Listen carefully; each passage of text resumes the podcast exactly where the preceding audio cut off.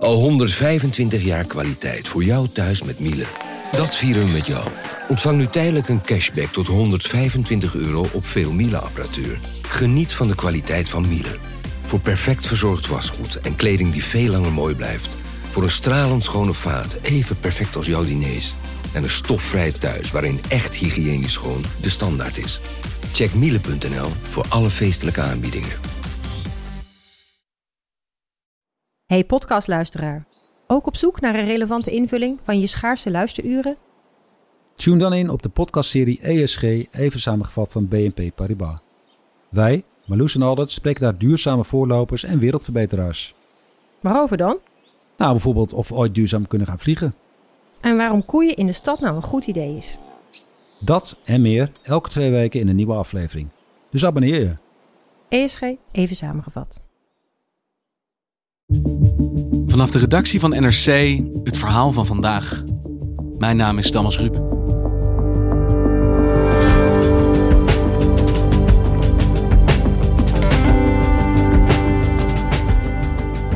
We weten het inmiddels.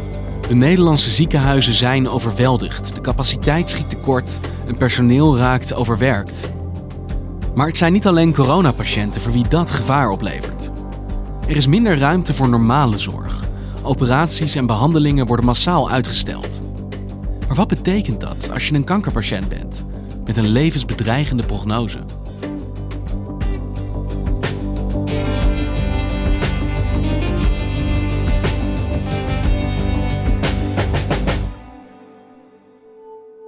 Nou, we hebben natuurlijk de afgelopen week ontzettend veel geschreven en gesproken over de ziekenhuizen en hoe zij de coronapatiënten gaan opvangen. Romy van der Poel is verslaggever op de Binnenlandredactie. Maar ondertussen begint ook duidelijk te worden dat er niet alleen coronapatiënten slachtoffer zijn van de coronacrisis, maar dat er ook nog andere slachtoffers zijn. En dat zijn de mensen die al ziek waren.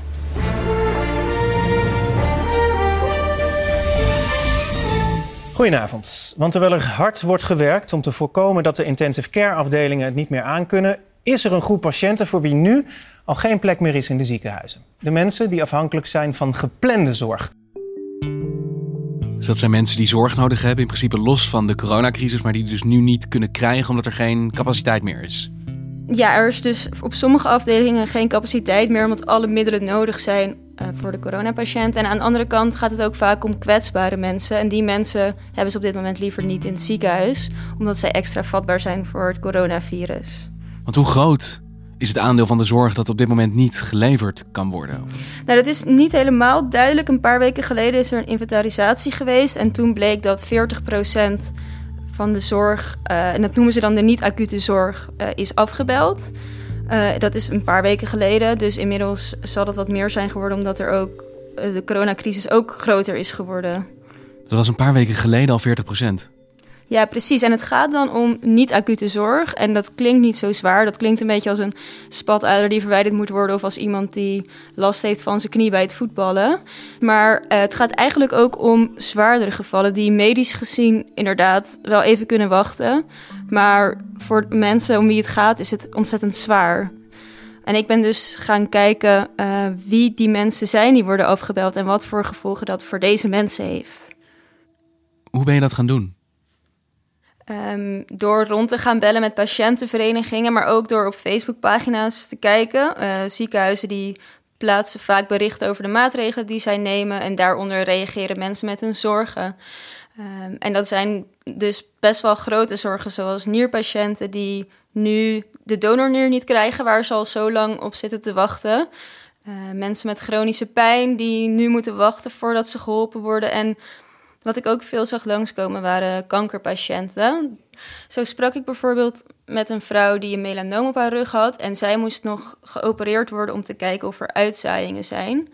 Alleen omdat zij een klein hoesje had toen ze het ziekenhuis binnenkwam, werd de operatie afgezegd. En later werd er ook haar dochter ziek, dus werd de operatie weer afgezegd. Dus zij zit eigenlijk al een paar weken in onzekerheid of zij nu uitgezaaide kanker heeft, ja of nee. En via de Nederlandse Federatie Kankerpatiëntenorganisaties kwam ik bij Douwe Jan Douwstra terecht. Zij zeiden, deze man is eigenlijk ook... Deze meneer is exemplarisch voor wat er nu aan de hand is. En hij neemt al op. Ja. Zeg maar, zeg maar je hoor, dat is prima. En wie is hij? Doujan Douwstra die uh, hoorde vorig jaar dat hij terminale kanker heeft. Hij heeft alvleesklierkanker. En uh, dat hij dat heeft kwam eigenlijk heel onverwachts. Toeval. Toeval, een bloedmeting. En uh, daarin was er bloedwaarden waren afwijkend. En toen heeft men verder onderzoek gedaan. En ik ging niet vermoedend naar de internist in dit geval in het ziekenhuis. De huisarts die zei van ga maar naar de internist.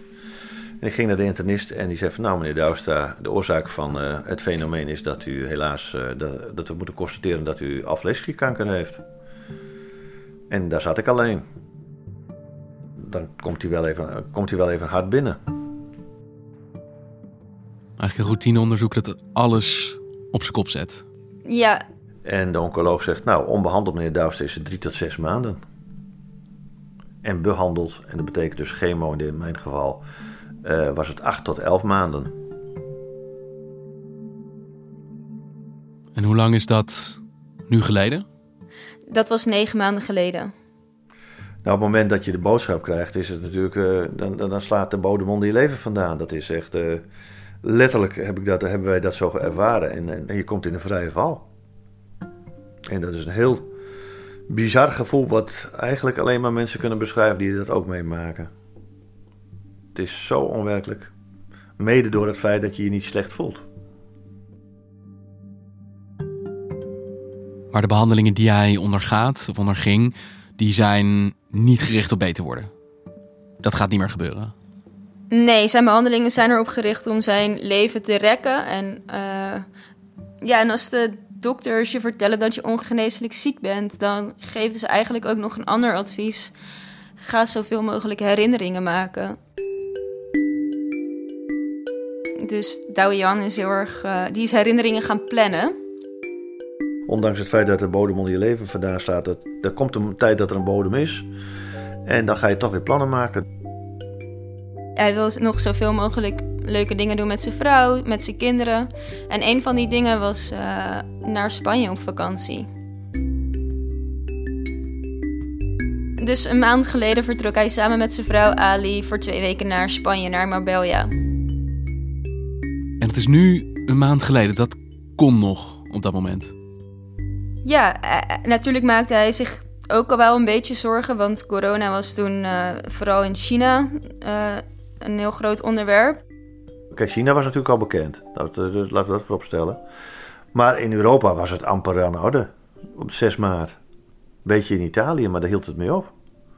Nou, sterker nog, we hebben artsen nog geraadpleegd in verband met het feit dat ik uh, kuren krijg. En toen zei ik van ja, maar als we nu op vakantie gaan, hoe komt het dan met mijn kuur? Nou, meneer Douster, die doen we niet vlak voor uw vakantie, maar die doen we mooi na uw vakantie. Want als je net een kuur hebt gehad, dan ben je toch weer uh, een beetje verslag.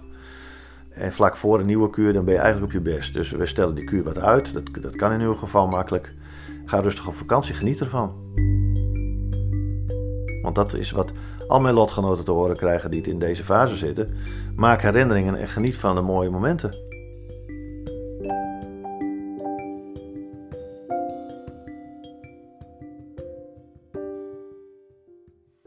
Pas toen hij in, in Spanje zat, begon het echt onrustig te worden in Noord-Italië. En begon hij ook het nieuws te volgen en begon hij zich ook zorgen te maken.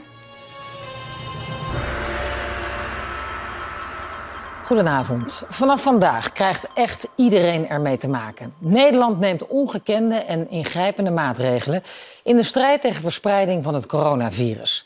Daarom ook een extra lang NOS 8 uur journaal waarin we u bijpraten over de nieuwe regels. En nou ja, dus zeg maar de twaalfde was het, uh, werd het heel onrustig op het nieuws en overal. En uh, toen zeiden we van ja, wij moeten niet het risico lopen dat wanneer we, dat we hier opgesloten raken, dat we hier een kuur moeten gaan volgen of we tekort aan medicijnen krijgen. Want uh, ja, dat, al die dingen spelen dan opeens een rol. Dus we hebben gewoon een nieuwe vlucht geboekt. En we zijn teruggegaan zaterdagmorgen. En zaterdagavond zat Spanje in lockdown.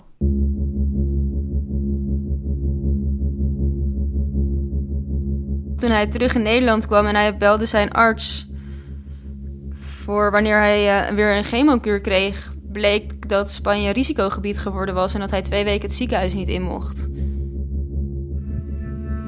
Dat was toen ik terugkwam dat ik uh, een stempel op kreeg van u bent afgelopen 14 dagen in het buitenland geweest, dus u mag het ziekenhuis niet in.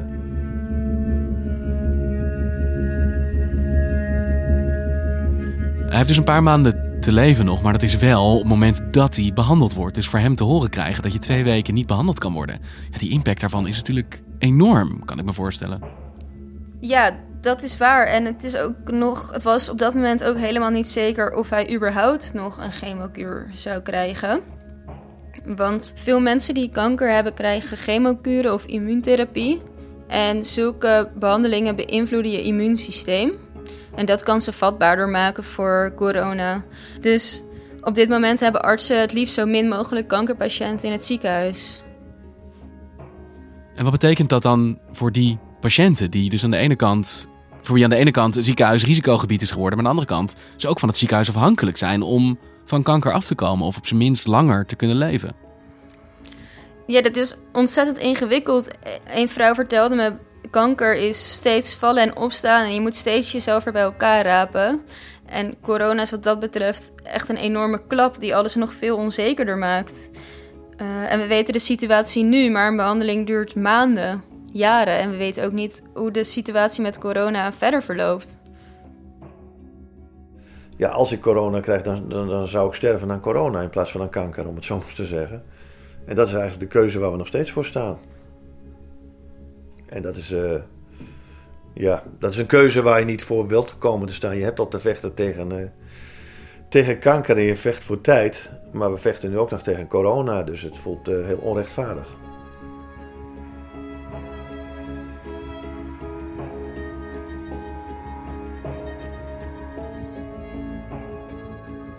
Maar je moet dus eigenlijk kiezen tussen wat jouw vijand nummer één is. Is dat die kanker die je bestrijdt of wil beperken? Of is dat corona. Met het risico dat je ziek wordt en dus meteen heel ernstig ziek ook kan worden. Ja, Douwe Jan vertelde dat toen hij hoorde dat hij chemo kreeg, dat hij dat als een enorme bedreiging zag. Want je laat immers vrijwillig je lichaam vergiftigen. Maar toen sloeg de chemo aan en de tumor die werd teruggedrongen. En langzaam gaat chemo dan als een soort veilige haven voelen. Het is het enige moment waarop je echt iets aan die dreigende situatie, namelijk je kanker, kan doen. Als je geen kuur neemt nu, dan krijgt de, de tumor weer kans om uh, groter te worden en de uitzaaiingen. Uh, versus van, nou, we gaan de tumor wel bestrijden en de uitzaaiingen, maar jouw weerstand gaat onderuit. Dat, die twee risico's moet ik afwegen.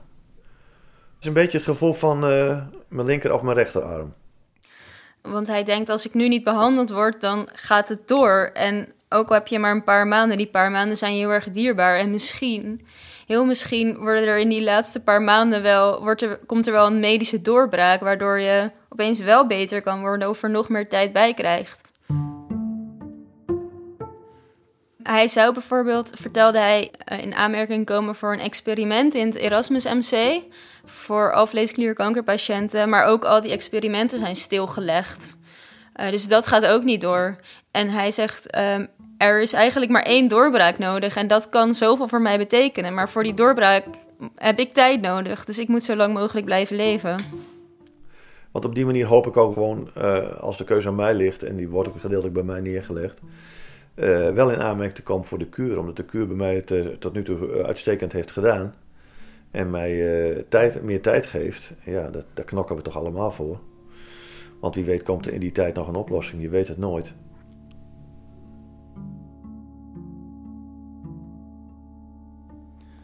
Want hoe gaat hij daarmee om? Want hij zit tegelijkertijd natuurlijk in de laatste maanden van zijn leven. Maar ja, het ontlopen van corona, zorgen dat je niet besmet raakt, niet het ziekenhuis inkomen, dat heeft natuurlijk ook een enorme impact op hoe dat leven eruit ziet in die laatste periode. Als je in, zo, in je laatste levensfase zit, of in zo'n zware levensfase ja, die wil je het liefst met je familie en vrienden delen. Uh, maar hij heeft ervoor gekozen samen met zijn vrouw om in volledig isolement te gaan. Morgens vroeg gaan we nog wel eens even een eindje wandelen, er is nog niemand op straat. Maar voor de rest uh, hebben wij uh, geen contact met niemand, ook niet met de winkel of met de kinderen of kleinkinderen. Niks. Dat doen ze al sinds ze terug zijn gekomen uit Spanje. Uh, ze zitten samen binnen. Zijn vrouw, ze werkt in een kledingwinkel. Die is ook gestopt met haar werk, zodat ze bij hem kan zijn. Ze doen niet aan anderhalve meter afstand. Er komt in principe niemand het erf op. Zelfs hun, uh, hun zoons komen niet binnen. onze kinderen doen de boodschappen voor ons. En die worden hier dan in de garage gezet, waar ze eerst nog 24 uur blijven staan. En daarna worden ze door ons uit de garage in huis gehaald. Zodat het, zodat het eventuele virus wat daarop zit ook niet mee naar binnen komt.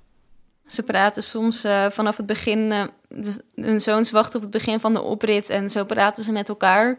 Fysiek contact is weg. En dat is vooral met kleinkinderen. We hebben in december een derde kleinkind gekregen. Ja, dat is uh, heel erg lastig. Dat je die niet even in de armen kunt nemen en kunt knuffelen. Dus hij gaat eigenlijk veel verder nog in zijn quarantaine dan bijvoorbeeld het RIVM aanraadt. Hij neemt elke maatregel die je maar kan denken.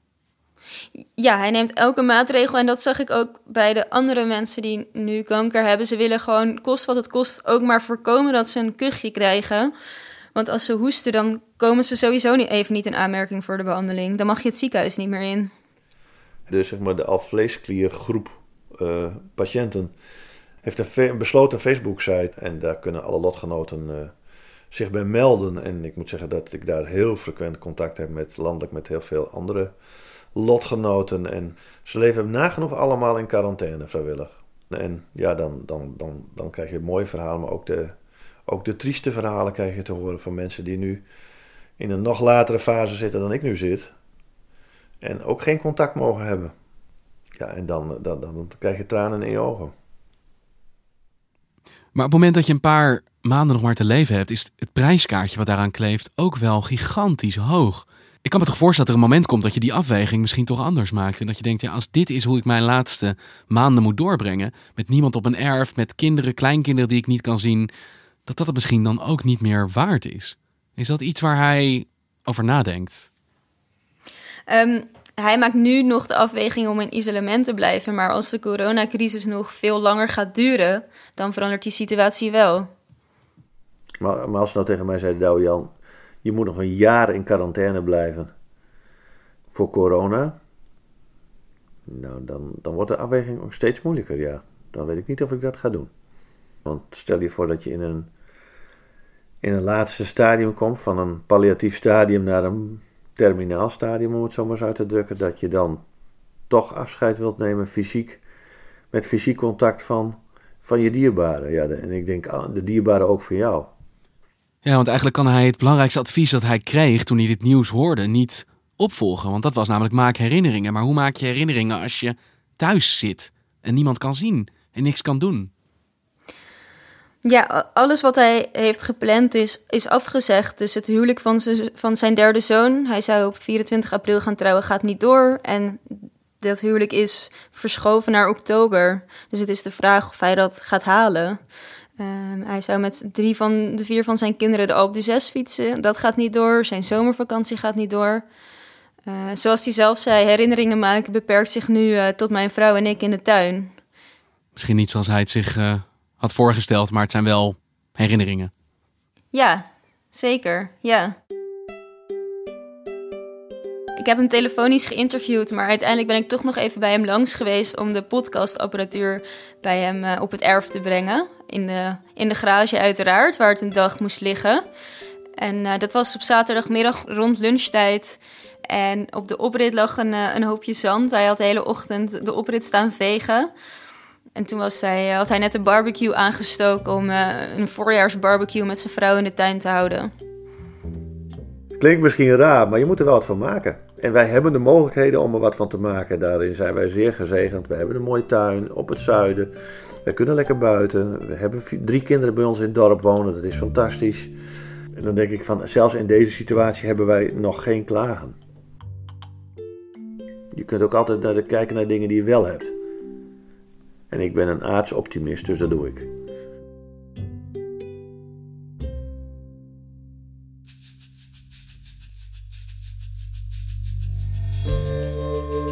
Je luistert naar vandaag en we volgen de ontwikkelingen rond de corona-uitbraak natuurlijk op de voet.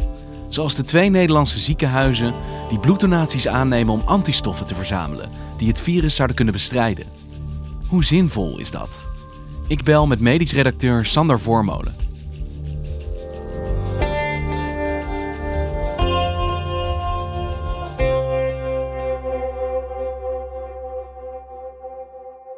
Hey Sander, in twee ziekenhuizen in Nederland gaan nu loketten open die bloeddonaties aannemen van mensen die positief getest zijn op het virus. Hoe zit dat nou precies? Ja, dat, dat gaat om uh, mensen die, uh, die genezen zijn van COVID. En die dus uh, alweer helemaal gezond zijn. Maar die hebben dus wel het virus gehad. En die hebben daar antistoffen tegen gemaakt. En die kunnen heel nuttig zijn om andere patiënten te helpen. Dat gebeurt in Nederland op twee plekken. In het Erasmus uh, Medisch Centrum zijn ze al begonnen met een studie. En in Leiden gaan ze over vier weken beginnen. Uh, dat zijn studies omdat ze nog eigenlijk niet weten of het precies werkt. Want wat is het concept hierachter? Nou, wat je doet is, uh, je neemt niet bloed van die mensen af, maar plasma. Dat is eigenlijk, uh, zeg maar, de vloeistoffen in het bloed. Daar zitten dus ook de antistoffen in. En op die manier kun je die antistoffen gebruiken voor iemand die heel ziek is. Die kan dan, zeg maar, een extra boost van antistoffen krijgen, waardoor het virus hopelijk eerder verdwijnt. Maar het gaat dus niet om genezing, maar met meer antistoffen kun je dit virus gemakkelijker aan met je lijf. Ja, dat is de bedoeling inderdaad. Ja. De hoop is dat je dus uh, minder lang ziek bent, misschien uh, minder lang op de IC hoeft te liggen en minder risico loopt om dood te gaan. Er zijn er al veel mensen die op die oproep gereageerd hebben, die nu bloed doneren? Nou, ik heb een van de onderzoekers gesproken en die zei van uh, dat zijn mailbox zo ongeveer ontploft was omdat hij zoveel reacties kreeg van mensen die ook wilden helpen. En die dus zeiden van, ik heb uh, inderdaad het coronavirus gehad en ik wil helpen. Maar ja, het gaat er natuurlijk wel om dat, je, dat ze weer zeker weten dat ze het gehad hebben. En dat ze dus ook echt antistoffen hebben. Dus eigenlijk accepteren ze alleen de mensen die echt positief getest zijn op het virus. Het is niet zo dat je daar nu kunt doneren en er dan gelijk achter kan komen of je het gehad hebt. Nee, nee, zo werkt het helaas niet. Nee. Dankjewel, Sander. Graag gedaan. Je luisterde naar vandaag, een podcast van NRC. Eén verhaal, elke dag. We leven in hectische tijden. Je kunt rekenen op NRC voor betrouwbare informatie, nieuws, duiding en analyse. En we kunnen dat alleen blijven doen dankzij onze abonnees. Dankzij jullie. Heb je nog geen abonnement? Kijk dan voor een aanbieding op nrc.nl/slash podcastabonnement. Dankjewel. Dit was vandaag, morgen weer.